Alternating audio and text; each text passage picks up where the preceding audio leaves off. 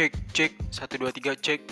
Ya, jumpa lagi di podcast Talkompot Selamat sore, siang, atau malam teman-teman sekalian. Apa kabar? Semoga kalian semua dalam keadaan baik dan sehat selalu. Apakah teman-teman sekalian pernah tersugesti dari teman-teman atau sahabat atau bestie kalian dalam mempengaruhi orang lain? Apakah teman-teman ingin menjadi seseorang yang memiliki kemampuan mengaruhi ribuan orang, bahkan lebih banyak dari itu, dengan mudah?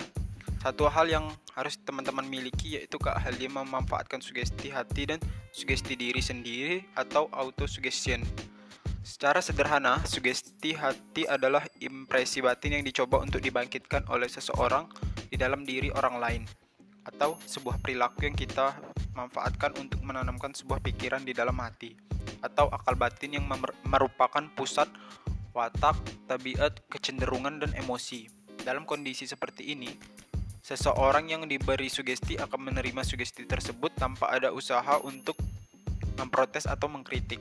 Sugesti macam ini merupakan salah satu metode yang digunakan untuk menyembuhkan berbagai macam penyakit kejiwaan yang tidak mampu ditangani oleh lagi ditangani lagi oleh para dokter. Para pakar psikologis melaku, melalui beberapa eksperimen yang mereka lakukan menegaskan bahwa sugesti hati ini terbukti mampu menyembuhkan berbagai penyakit jiwa. Sugesti merupakan sebuah kekuatan besar yang mampu menciptakan dampak dan pengaruh terhadap diri orang lain. Begitu juga, Anda harus berusaha mempelajari dan memahami berbagai sugesti yang datang dari luar sehingga teman-teman mampu melakukan pemilahan antara sugesti yang membawa manfaat bagi perkembangan akal, moral, dan wawasan teman-teman dengan sugesti yang tidak membawa manfaat tapi malah sebaliknya membawa kemudaratan. Teman-teman dalam hal ini teman-teman harus memilih di antara dua hal sebagai pihak pemberi sugesti dan pengaruh terhadap pihak lain atau sebagai pihak penerima sugesti dan terpengaruh dengan pihak lain.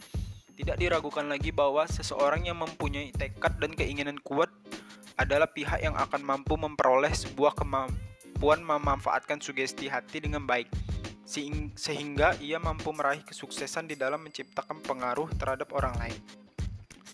Seseorang yang mempunyai tekad dan kemauan kuat serta mempunyai kemampuan memanfaatkan sugesti hati dengan baik adalah yang pantas menjadi seorang pemimpin, karena ia mempunyai kemampuan bagaimana mengeluarkan perintah dengan bijak sehingga perintah tersebut akan ditaati tanpa harus mengambil sikap keras dan seolah memaksa.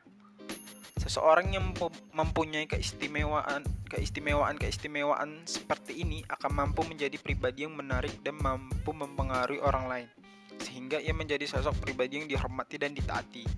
Pada setiap rapat untuk membahas sesuatu agenda, maka sudah dapat dipastikan bahwa yang menguasai forum rapat dengan baik adalah orang yang mempunyai ciri-ciri seperti tersebut karena ia mampu meyakinkan orang lain dengan argumen-argumen yang kuat.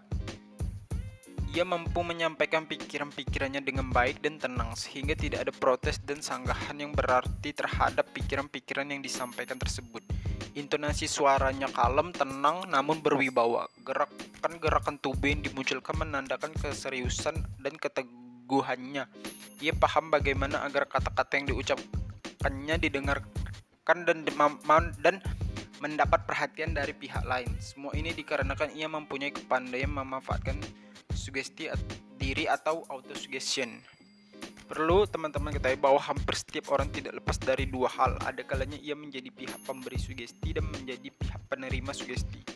Namun, tinggi rendahnya kompetensi di dalam hal ini berbeda-beda tergantung individu dan sangat dipengaruhi pula oleh beberapa faktor seperti kondisi lingkungan dan tinggi rendahnya pendidikan dan merupakan suatu yang sangat alami jika seluruh manusia mempunyai kompetensi untuk menerima sugesti. Karena selama manusia masih mampu berpikir dan merasa maka ia pasti mempunyai kompetensi untuk menerima sugesti dari pihak lain.